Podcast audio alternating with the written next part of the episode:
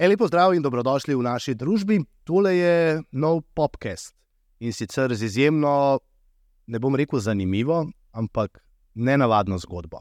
Zgodbo, ki je dolga 20 let ali pa še več, in zgodba, ki kaže na to, da lahko nekdo, če ne obupa in če pretvori vse tisto, kar se mu je zgodilo, v nek uh, smisel in pogled naprej, lahko celo zmaga. Z nami je Katja Pančur, dekle, ki je doživelo verjetno najhujše stvari v življenju, ki si jih lahko sploh predstavljamo, pa vendarle je danes mama, trem otrokom in pa žena, pa kot boste videli, večino časa zelo nasmejano dekle. Um, lepo zdrav. Živa. Ko sem uh, pripravljal ta uvod, mi je bilo kar težko, ker sploh ne vem, kako vse zaobjeti, ko govorimo o tvoji življenjski zgodbi. Ampak morda čisto za začetek, um, si Katja, ne?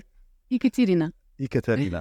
Um, Dejva najprej že to uh, razčleniti. Tvoje rusko ime je seveda iz Rusije. Uh Mhm. -huh. Rodila si se kje? Sankt Peterburg. Uh, in kako to, da si pristala tu? Uh, Vse časa imamo dovolj, veš. okay. Ja, v bistvu je prišlo do, bom rekla, neke mednarodne usvojitve, čeprav to ni, ni bilo glih vse legalno, vse ja. tako, kot treba, ja, ni šlo za uradno usvojitev. Uh, sem pa dobila zakonitega zastopnika, ki je bil državljan Francije. In tako sem jaz pristala tukaj, ker on je pa tukaj največ živel. Uh, da kar takoj povem vsem tistim, ki tvoje zgodbe morda ne poznajo, toliko kot bo seveda razkrila tekom pogovora. Uh, ta državljan Francije je danes iskan, v Sloveniji je vložena obtožnica proti njemu. Uh, bil je Lama Rimpoče, uh, budistični predstavnik in menik, uh, in je pravzaprav s tabo ravnal in počel stvari, ki si jih niti slučajno ne predstavljam, in jih nihče nikoli ne bi smel početi z nikomor. Samo redo povedal. Ja, ker Ja. Okay. Če se vrnemo morda še malce nazaj v Rusijo, um, kako, to, oziroma kako je izgledalo v tvojih prvih deset let življenja, preden si prišla v Slovenijo? Hmm.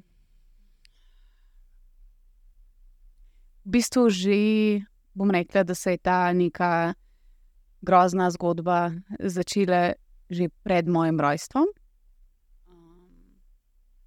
Moj oče je bil schizofrenik, um, zelo hud drugeraš. In seveda, to se mečkaj čudno sliši, ampak v 90-ih dejansko v Rusiji skoraj da ni bilo človeka, ki se ni drugiral, ne, ker pač razmere so težke. Takrat je jih prišla droga v tisto okrožje, kjer smo mi živeli, in se ni dal ne izogniti. Tako da, ja, moja mama se je dejansko poročila z mojim očetom, bila sta kot srečna, in potem sem prišla jaz. In ko sem bila stara 11 mesecev, je bilo za mojega očeta preveč in se je ubesil. Takrat, seveda, je mama padla še bolj v droge, ko ni bilo dovolj, se je začela prodajati, ko to ni bilo dovolj, je prodala stanovanje. Ko pa to ni bilo dovolj, pa dejansko je ni bilo več, tudi po teden, dva, tri. In um, mi dve sestri, jaz sem starejša sestra, štiri leta, svoje pa pač čakali na ulici. So se znašli po svoje. Ne? Koliko sta bili takrat stari? Pet let, pa devet. Od petega leta naprej, ja. Mojega petega leta. Veš, jaz imam zdaj hčerki stari dve, pa štiri leta, pa si ne predstavljam, kako bi se lahko moja starejša hčerka na vasi znašla po svoje. Kako se znajdeš po svoje, ne vem, v St. Petersburgu, ki je milijonsko mesto, v 90-ih, da smo še bolj točni, to je bil drugačen čas kot danes. Mhm. Ja, sreča v nesreči v bistvu je bila, da je bila sestra štiri leta starejša, je bolj poznala nekako okrožje bolj kot jaz. In ta druga stvar, um, da niso bili edini na ulici.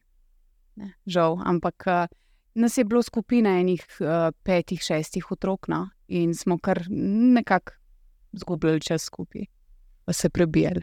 Ampak, ne vem, treba je, naprimer, jesti, pa si najdete oblačila.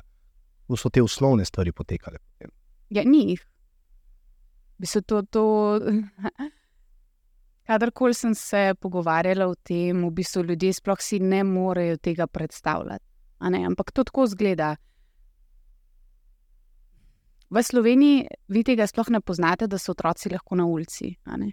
Ker Slovenija je zelo taka, bom rekla, država socialna, oziroma nekdo te najde, nisi prav na ulici, na ulici. V tistih časih v Rusiji pa dejansko ni bilo tako. Otroci so bili na ulici in jih tudi noben slo ni niti pogledal. Um, da to zgleda tako, da sediš pred blokom, malo pobrskaš po smetih, um, greš v kakšno trgovino, kaj ukradeš. To je to, ni, ni nobenega, bom rekla, toplega obroka ali pa oblek, uh, nič, nič. Dejansko si pač na ulici, tako kot um, en kuža. Koliko je bilo to veliko območje, ki ste rekli, da ste tam v nekem tem distriktu živeli? Uf, ogromen, to je ogromen, to, to se zgubiš. Se, po moje, no, predvidevam, jih zaradi tega dejansko smo ostali zelo dolg čas neopaženi, ne? ker dejansko ne moreš. To je, to je to ljudi. Da... Ampak zvečer, ko si šla spat, naprimer, ne, niste imeli niti stanovanja, ki ste pa spali?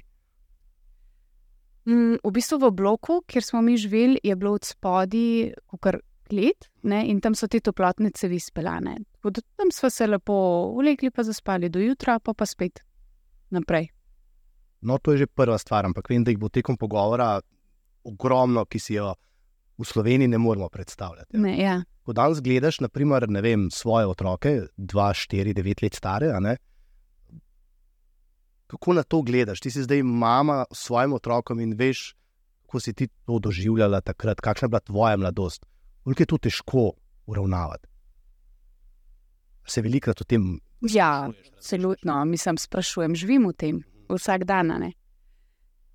Ne, ne morem si sploh predstavljati, da bi moji otroci imeli tako otroštvo.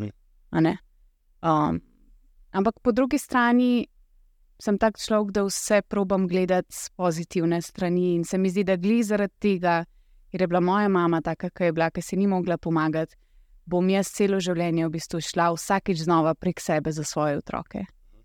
Ker um, si ne predstavljam, no, da bi kdaj jih dala na stran, pa bi rekla, ne, jaz sem tukaj, ne, ni šans. Zaenkrat imam v glavi samo ta sliko tebe, tvoje sestre, kako je ime. Ksenija. Ksenija, ki ležita na teh toplotnih ceveh. Kot otrok, ukrat si okala, imaš danes ta spomin, da se spomniš kaj tega. Petletni otrok je še vedno nekje, morda si že večino stvari zapomniš. Ne? Ja, jaz sem v bistvu do ene 16. leta, ma ne vem, če mi nuka še dan, da ne bi okala. In mislim, da je to glih tisti razlog, da je meni sploh ratal ostati pri zdravi pameti. Um, ker jaz sem ogromno prejokana. Tudi sestra, ki se pogovarja, ona vsakič mi reče: Ti si bila skozi polulena, pa bi objokana. Mislim, to, to je bilo te dve stvari, to je pri meni, to se še danes vleče, no, to jokanje. To je, um, rekla, ena taka terapija, no, ker jaz sem šele zdaj pri 30-ih prvič šla na psihoterapijo. Um, in to je tisto, pač moje celo življenje, bom rekla, celo otroštvo, to je bil sam jok razumljivo. Ja. Lačne, premražene, same. Uh, potem se je pa zgodilo, da sta vendarle pristali pa v sirotišnici. Ne? Uh -huh. Se ne vem, je bilo to boljš ali slabš po naših spominih ali pa to, kar vemo o ruskih sirotišnicah. Mi, da sem imel v bistvu full srečo. No? Um, v bistvu, to, je bilo, to je bil en tako ogromen blagoslov, no? ker dejansko jaz sem bila full bolana ne, moja sestra ne tok, jaz sem bila pa, jaz sem bila tako res suhica, bogica, objokana, res. In uh, najprej v bistvu so nas naj namestili v bolnišnico. Bilo v bistvu eno tako zdravilišče za otroke, ki nimajo staršev. Um, in v bistvu so tam živeli, ne? ker sem imela zelo hudo tuberkulozo, sem kašljala kriven, to je bilo groza. Potem sem pa dobila še epilepsijo. Zdaj, po spomina, da tisti je mal pasal, no, ajde. Ampak uh, ja, uh, tisti je bilo tako res kot en blagoslov, ker končno je bil nekdo na položaju, ki je za mene skrbel. Se pravi, nisem bila odvisna samo od sebe, ne, ker to je grozen občutek, ker si ti kot otrok, da nimaš nobenega, ki bi rekel, zdaj greva pa tja, ne, ne tega ni. Ne, pač sama sem bila, mm. ok, sestra je bila zraven, ampak to je bila tudi otroka ne, in to, to je bilo ful teško. Da, um, kar se tiče tega tranzita iz ulice v bolnišnico in potem v sirotišnico, je bilo mega. Res najboljša stvar. Res. sam še en skok, morda v to mladosti, uh, do te sirotišnice. V kaj tako otroček, kot si bila, sploh verjame? Kaj, kaj si želi? Veš, zdaj smo v decembru, pri nas seveda otrokom razlagamo o teh dobrih možeh, pa o Detku Prazu, pa Božičku, pa Miklažu, pa vsi se trudimo, da jim bi bilo čim bolj lepo. Kaj si ti verjela takrat, ali kaj si si želela, kaj si sploh takrat upala? Za mene je decembr najbolj depresiven mesec, ker um, lihta, lihta obdobje, novoletno, novo leto je v Rusiji ogromen praznik. To je res, mislim, največji, bom rekla, no pa paska, pa te, ki imamo verske. Um, in jih v tem obdobju so bile midve na ulici in se spomnim tisto kruljenje v želodcu, tista strašna lakota, ki te res, ki te zvija. Jaz, jaz sem se več čas jokala, da me tok želodec boli. Um, in v teh blokih ne, sem pa pogledala gor in se vidi. Dnevna soba, ne pa jedilnica kuhna, in vidiš dejansko, da imajo ljudje lučke, pa smrekce, pa mizo, pa, ne, pa, pa mislim, hrano na mizi. Ne, in se spomnim tistega občutka, da te zebe, ki si lačen, pa tako pogledaš gor, pa wow, ne, kako je njih imajo, kako je njih živijo. Ne. Za mene je decembr je groza. Še zdaj? Ja, mislim, to je tisti um, občutek noter, ki je v tebi. To, to je tako zakorenjen, da tega, mislim, da nobena psihoterapija no, nič ne more spraviti ven. Kar, ajde, ne bo. Kako pa to prenese zdaj do svojih otrok, kaj narediš? Pa jaz jih skozi mazim, jih skozi cartam. Tako se mi zdi, da je to res tisto največ, kar jim lahko dam. No? Ker, ja, ker s tem tudi sebe pozdravljam, ker meni ni noben objel, ko sem bila mehna. Ne? Še sestri sem šla na živce, ker sem se skozi smerala, normalno. Ona je bila tudi otrok, tudi njej je bilo težko. Um, in um, se trudim, vse so darila, pa to, ampak vsem se trudim, da jim dam to neko toplino, ki jaz nisem imela. No, zdaj ne vem, ali je to dobro ali ni dobro, pretiravam ali ne, ampak se mi zdi, da, da je prav, no, da se počutijo varne. Mislim, da ne pretiravaš, mislim, da je to več kot prav. Okay, zdaj pa pri tej sirotišnici, ne, iz bolnišnice do sirotišnice. Tam ste imeli kaj, saj toplo obrok en na dan, saj toplo posteljo. Mislim, tako. Um, res so imeli srečo. No? ker uh, ene sirotišnice so grozne. Ko res, mislim, razmere so katastrofalne. Uh, ta moja sirotišnica, Vera, se je imenovala, bila pa tako manjša skupina otrok, ne koliko nas je bilo, ene deset. In je bilo v bistvu fulušten. tako, smešen se slišne. Ampak um, v bistvu je tako. V občutkih je vladala ena tako globoka žalost, ker si vedel, da če si tam, pa on zraven, ki je tam, to se pravi, pomeni, da nima nobenega. In mi smo bili pač v enem takem baz, bazenčku, vsi skupaj, ki nas noben ni mogel imeti. In to je ena taka žalost, po drugi strani si pa rečeš, le nisem več sama, ne? ker tako je tam le nasprot tebe, točno ve, kako se počutiš. Točno ve, kako je, ker nimaš nobenega. Tako da z te strani moram reči, da mislim, to je bilo ta noč pa dan. Meni je bilo to tako, da bi na loteriji zadela. Bili so bile so vzgojiteljice, ne vem, bil je direktor, ki je bil res zlata vreden. Um, saj bila je neka odrasla oseba, no, na katero si se lahko zanesel. Če ne drugega, če te bolj v trebuh, so ti dali nekaj za, bol za bolečino. Ne, ne vem, obleke pa to je bilo res skromno. No. Mi smo imeli vse, ko bi rekla, so pač darovali, ne sirotišenci, tako da ni bilo Ampak ok, bilo je, ne? bilo je za obleč, bilo je za jesti, bilo je za spat, kar je bilo za mene nekaj čistnoga. Zdaj, potem rekla si Vera, ne se je mm -hmm. ta, ta, imenovala ta sirotišnica, in potem se je vse skupaj spremenil. Neverjeten, ravno z obiskom tega francoskega državljana, oziroma, če se ne motim, neka francoska organizacija, ki mhm. ne bi skrbela za sirote v Rusiji in jim pomagala. Ne? kaj se je zgodilo, v bistvu, da si pol pa ti res prišla v Slovenijo iz te sirotišnice? Ali je bilo vmes še kakšen postanek? Um, ja, bil je postanek. Uh, on je imel eno rusko prevajalko. Govorijo zdaj o tej Lami Rimpoče. Ja, on je imel eno rusko prevajalko, ki se.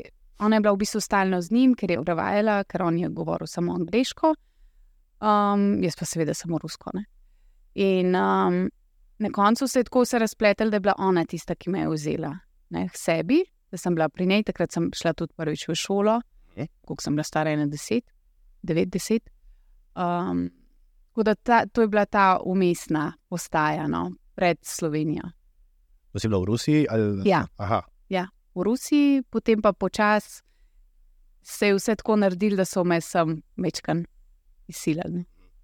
Uh, se pravi, to je bilo 20 let nazaj, ne? praktično. Mhm. Okay. Kaj pa sestra, ostala v Polhusi, Ja. v Križnici? Mhm. To je sicer še zdaj, v bistvu še danes um, se ukvarjamo s tem, kako je lahko sploh nekdo iz Rusije odpeljal otroka, plus samo enega, ker um, pri sorojencih vedno velja pravilo, da morata biti ja, ali oba dva ali nobena. Ne?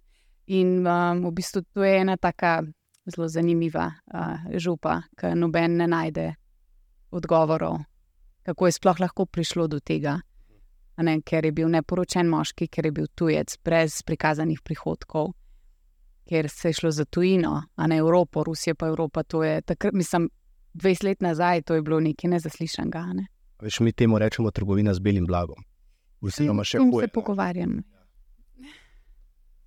Uh, sestra pa danes živi v Sloveniji ali v, Ne. še v Z Rusiji. Rusije. Zdaj si pa ti stara deset let, prideš v Slovenijo, pripeljete pač en francos. ne, Um, ampak po drugi strani pa, če prav razumem, je pa to bil prvi oče ob mogoče, kot si prej rekla, tistim direktorju sirotišnice, prva oseba, ki pa samo zate skrbela. A je to za otroka težko, pa hkrati v bistvu nekaj najlepšega, tisto, kar sem te prej vprašal, kaj si sploh želiš, aj to tisto, kar si desetletna punčka želi.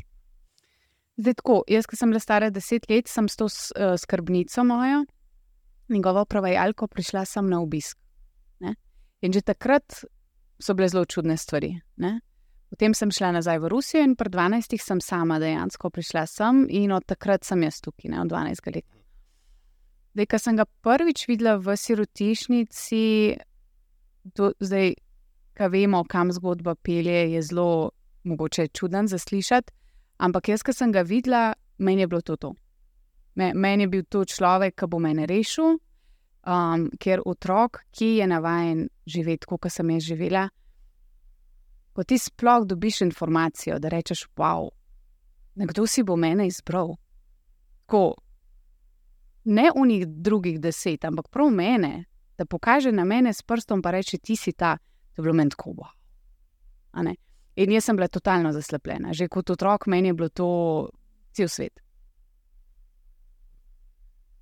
Ampak on ti je bil kot oče, da so si Ja, ne, to je, to je- tako, Meni je bil in oče, in mama, in brat, in vse skupaj, vse v enem. pa kaj te je on učil, se je s tabo igral. On, ki je prišel v sirotišnico, v bistvu uh, nas je s svojim asistentom, pa še ta drugim posvojenim sinom, uh, učil delati origami. To je bilo tisto, um, oni so sicer darovali zdravila, pa oblike, pa ta pisarniški material. Um, in ta origami, to je bilo nekaj, ne vem, da smo otroci vsi norelane. Uh, tako da ja, on je bil en tak, en um, božiček. Tukaj v Slovenijo, ki te je pripeljal, kaj si dobila svojo sobo, si šla v šolo. Ja, um, ko sem prišla sem, je bilo v bistvu tako, da so se oni selili iz ene hiše v drugo, v Ljubljano. Uh, in uh, jaz sem vmes spet dobila eno drugo skrbnico. Uh, in sem v bistvu živela v Medvodah.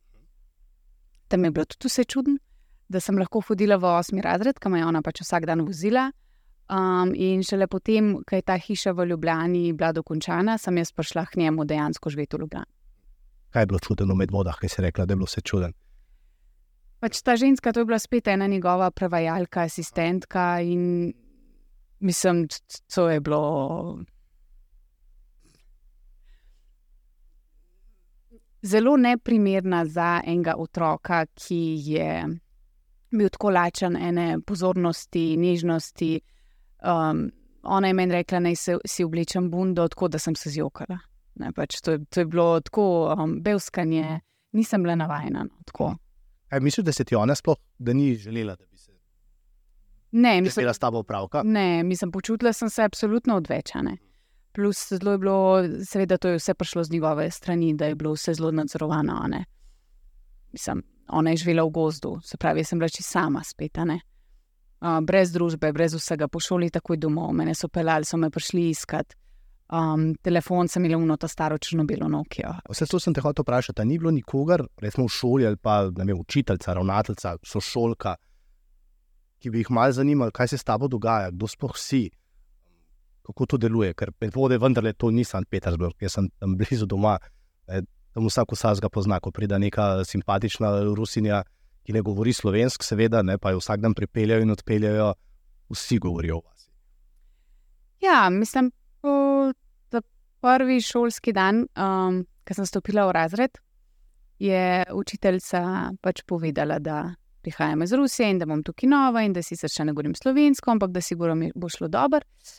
In um, je vprašala, kdo bi si me vzel za svoje iz razreda. Ne? In so čisto vsi dvignili roke. In sem jim tako zelo, ful dobro, ne. Sem bila ful sramežljiva, ful sramežljiva. Tako meni je bilo grozen. Jaz bila skrb padla sem zato, ker sem stala pred drugim. Ampak, si jih sploh kaj razumela, ne veliko? Ne, ne, ne, ne zelo malce. Ampak um, no, o tem v bistvu govori, ne govori. Ne. Um, jaz sem se usedla za mizo in za mano je sedel en fant, ki si žal ne spomnim zdaj njenega imena. Ampak, ker je učiteljica rekla, da sem iz Rusije, je tako rekel: O, ti si pa siguren prostitutka.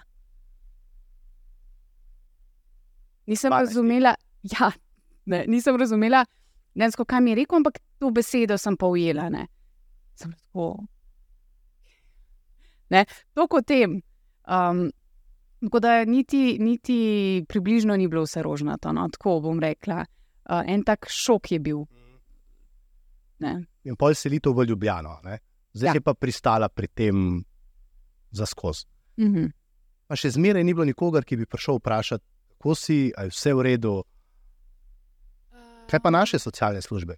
Moram te to vprašati, ker se mi zdi neverjeten. Ne? Ja, to je bilo vse odobreno. ne. Oni so prišli pogledat hišo, vse in on je bil svetnik, ki je naredil vse tako, da je špilal, v domač povedan. Zdaj, ja, seveda so bili ljudje, ki so prišli vprašati, kako sem, ampak to je bilo vse v bistvu z njegove strani. Jaz sem bila tukaj čisto sama. To je zelo težko za nekoga zonanjega, ki ni bil del tega kroga, da sploh razume, kako je to funkcioniralo.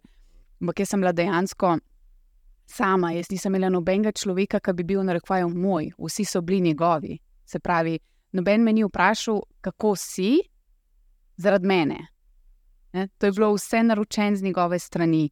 Um, ne vem, pa se sem imela kakšno prijateljico starejšo ne, iz te kongregacije, pa ne pa so šli na kavo ali pa v kino. Ampak to nikoli ni bilo zaradi mene, to je bilo zaradi tega, ker je on rekel, da je malo peljo, ne, kaj pa da vidiš, kako je, kaj pa mi pol povejane. Zato je bilo vse tako zrežirano, zmanipulirano, skontrolirano, da dejansko sem bila v eni taki klitki. No. Še vedno si stara 12-13 let, to so še vedno male punčke z zgodbo, ki si jo prinesla sabo iz Rusije. A si takrat že vedela, da vse to, kamor si zdaj prišla, ni v redu, ali je še vedno zate deloval, to je boljš, kot sem imela tam v Rusiji? Ha. Bistvu tisto obdobje je bilo tako konfuzno. Um, v bistvu sem bila zelo. Um, Dobro, sej, jaz se cel življenje, jaz mislim, da bi bila lahko ambasadorka svetovna za funkcionalno depresijo. Um, ampak res sem bila tako v enem takem stanju, no, ogromno sem jokala, pa sem se začela rezati, vse živo je bilo. In uh, se mi zdi, da vseeno, ja, sem se počutila, kot da to, kar imam zdaj, je vseeno boljš kot tisto, kar je bilo tam. Um, je pa tudi ta psihološki faktor bil zadnji, da sem bila marsikaj pripravljena potrpeti, da imam nekoga v življenju, ki je kot družina, ki je nek družinski lik, čeprav seveda to ni bil. ne. No, in zdaj pridem do tistega vprašanja. Ne? Ni bil zato, ker je počel vse tisto, kar absolutno nikoli noben moški ne sme početi. Kdaj je začel in kako je v bistvu s tem sploh začel? Mislim, začel se je že pred desetih, ko sem prišla sem na obiskane. Oni te stvari zelo. Um, zelo jih je hiter, bom rekla, predstavil, zato da mi je ratelj normalno. Se pravi, aha, jaz sem prišla sem, zdaj tukaj je pa tako, pa tako, ok. Ne? Mislim, vse otrok pred desetih letih itak to zmanipuliraš tako, nažalost. Um, ja, in potem v bistvu, ko sem prišla nazaj, se je to samo še nadaljevalo, ne, pred 12. Tako da meni je bilo to tako normalno, jaz o tem nisem niti razmišljala takrat, čisto iskreno. Ampak kaj on je hotel, da se ti, ker živela sta sama, ne večino. On je v bistvu imel še v isti hiši živel um, ta, ta drug posvojeni fant, pa še njegov asistent. Trije fanti in eno dekle. Ja, zelo v bistvu um, netipično, če tako pomislim od strani. Ne? Spet nihče ni več vprašal, Ne. ne. ne morem verjeti. Ja. In on je potem tudi začel polagati kaj roke na te, da te je zdrav. Ja, jaz sem bila v bistvu, um, vse imam celo življenje že problem z urogenitalnim delom, ne, kar je, glede na moje izkušnje, čisto normalno. Um, in v bistvu, ja, že pri desetih letih sem stalno jamrala, da me vse boli dol, vse me je trgal, pa v bistvu nisem vedela, kaj je a ne takrat. Um, on je bil pa nek čudežni zdravilca, ne. k njemu so prihajale mamice uh, z otroci iz cele Slovenije. To, bilo, to so vrsti ne. Um, in ta prevajalka, ki je bila moja skrbnica v Rusiji, je pač seveda ona dva sta se že vse zmenila, da bo on mene zdravo. a ne. In v bistvu šele pol sem jaz videla, kakšna so ta zdravljenja. Ne. In v bistvu šele zdaj, za nazaj, vsak dan zvem od drugih, kakšne so ta zdravljenja. ne. On je to počel ne zgolj tebi, ampak mm -hmm. vsem tem, ki so starši pripeljali svoje otroke. Ja. Pa nihče ni nikoli ni- nič rekel. Šele zdaj, ko si se ti upogumila, začnejo. Mislim, v bistvu uh, lih to je bil nek um, razlog um, od zadaj, ker um, zdaj ljudje vse živo govorijo. Ja, pa si se zdaj, ne vem pa ga, kako bi, kako bi temu rekla, pa se izpostavljaš, to, da imaš pozornost.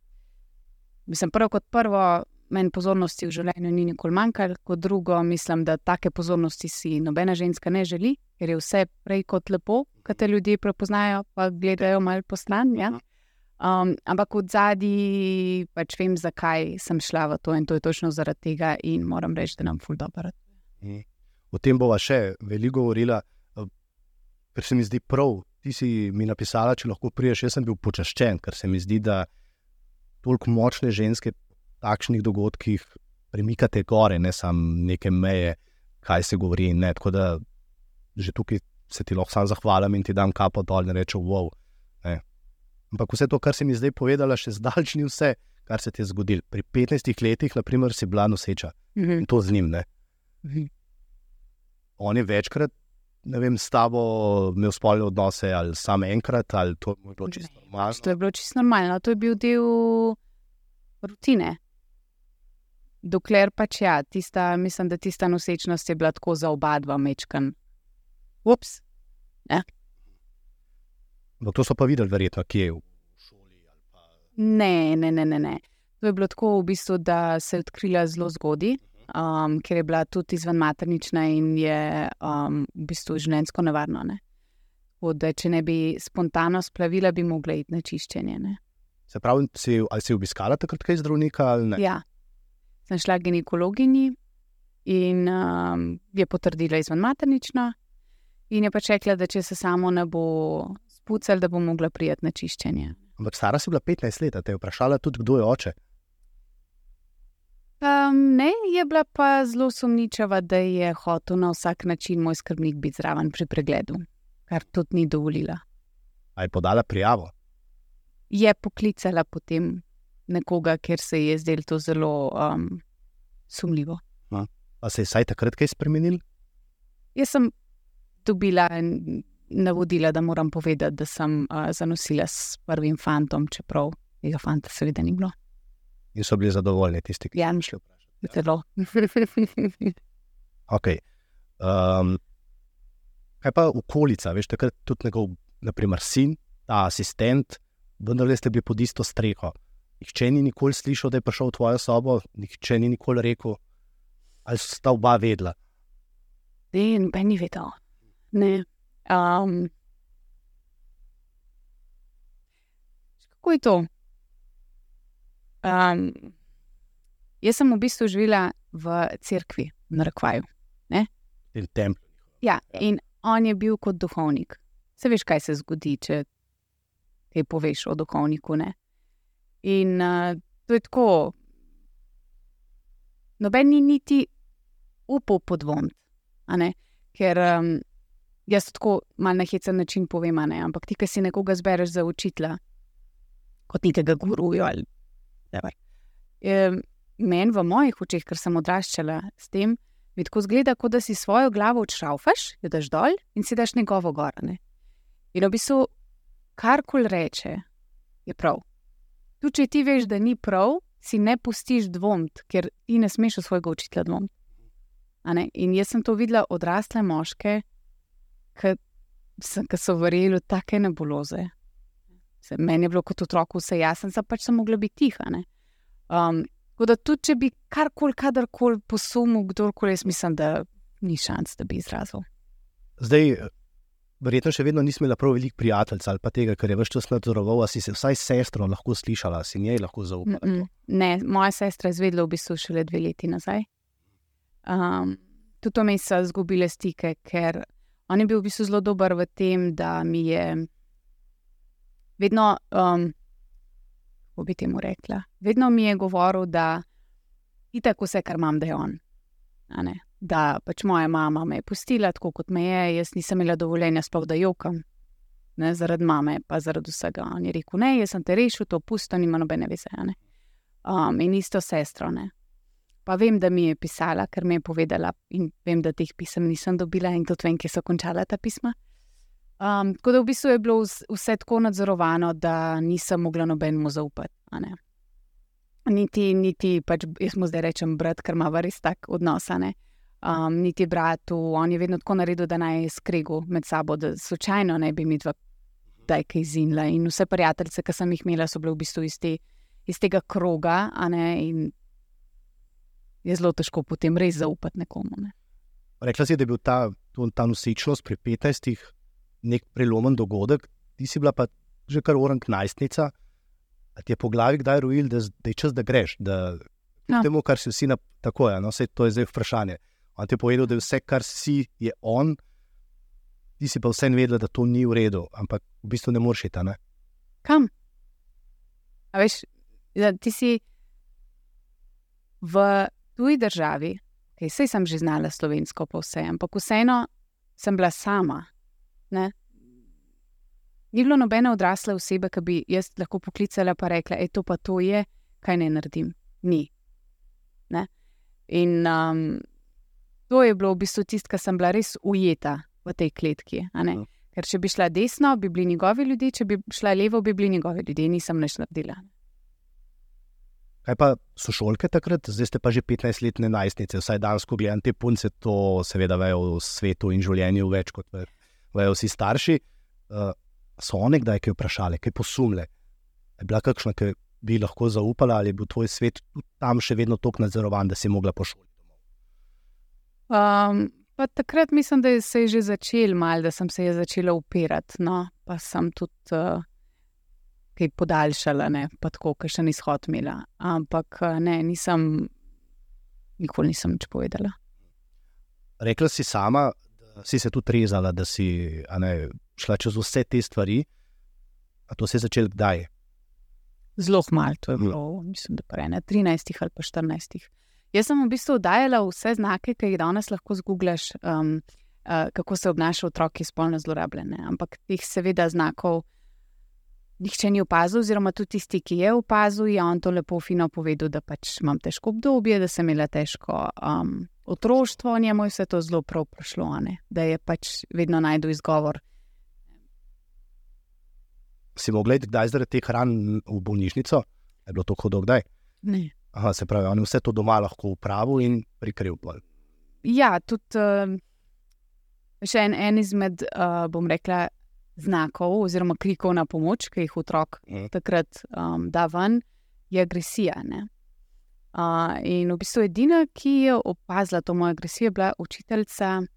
Mislim, da sem bila v drugem ali pa tretjem, tretjem letniku, ker sem prišla na uro in sem imela tako vse členke od zunaj, pa krvave. Um, ker sem pač v tistem trenutku mogla razbiti 9. marca v šoli. In uh, me je poslala na urgenco, na mestu, da bi sedela na prpoku. Tako da to je bilo edino, da je nekdo drug opazil. Drugače je bilo pa vedno, se pravi, Zelo je prav prišel na rekvaju ta moj otroštvo, uh mhm. ker so vsi rekli, aha, pa se bogica, se ne toliko stvari je dala česa, ne pa. Mogoče zaradi tega. Ne. Da je, v bistvu se niti ni tako poznalo, da je kaj novega. Neverjetno. Uh, daj si pobegala. 15. leta naprej, koliko časa je še minil, da si Ene tri leta. do polnoletnosti? Ja, um, ja, v bistvu mislim, da sem bila ena 18. Ja. Ampak to je bilo še, to, še takrat, ko sem šla. Sem, mogla, sem čutila vse, da eh, moram najti neki izgovor, da grem. Mi smo bili v tujini in sem, nisem več zdržala, nisem mogla več niti fizično, niti psihično zraven biti. In uh, takrat sem šla. On te je tudi potem, ko si zanosila, še vedno spolno zlorabljal. Ja, ampak ni več dolg trajal. Aha. V bistvu jaz sem prosila, da, ker sem bila res že tako, dokaj bom rekla, razvita, sem prosila, če se lahko to ne dogaja, če imam fanta. Na kar je pristal, kar je bilo zelo um, presenetljivo. In jaz sem imela kar naenkrat full fantov, čeprav jih nisem imela. Ampak ne, pač ne mu bilo dovolj, da sem rekla, da pač imam nekega fanta. Ne? Pa nisem bila intimna, ampak.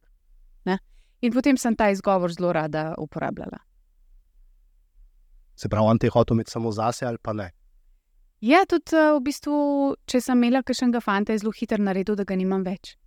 Ne? To sem jaz vedela šele, ne vem, kakšnih pet let nazaj. Ne? Pa on je dejansko pisal mojim fantom, pa grozil, pa naj me pustijo. Pa, ne, dokler nisem dobila, mislim, da sem bila ene 17 ali koliko enega fanta, ki se ga je pa bal in tisti je pa pustil čist na mir. Tisti je pa bilo pa, oh, kako je pa on uredil. Ne? Naredva pauzo. Jaz predlagam, da narediva pauzo. Okej. Um, zato, da si boste vse to, kar ste zdaj slišali, lahko malo bolj predstavljali. Ker danes živimo v svetu, ko vsi vse vidimo, pa nihče morda noče povedati stvari, ki jih vidi. In za me je bilo to, kar je Katja zdaj povedala, nepredstavljivo. Uh, ampak tisto, kar me vsem tem zanima, je, kako je Katja danes, 15 let kasneje, potem popolnoma drugačna ženska, mama treh otrok in kako s tem, kar se ti je zgodilo, pravzaprav živiš. Um, to pa čez nekaj trenutkov, ko se vrnemo. Cool. Cool. Feliz.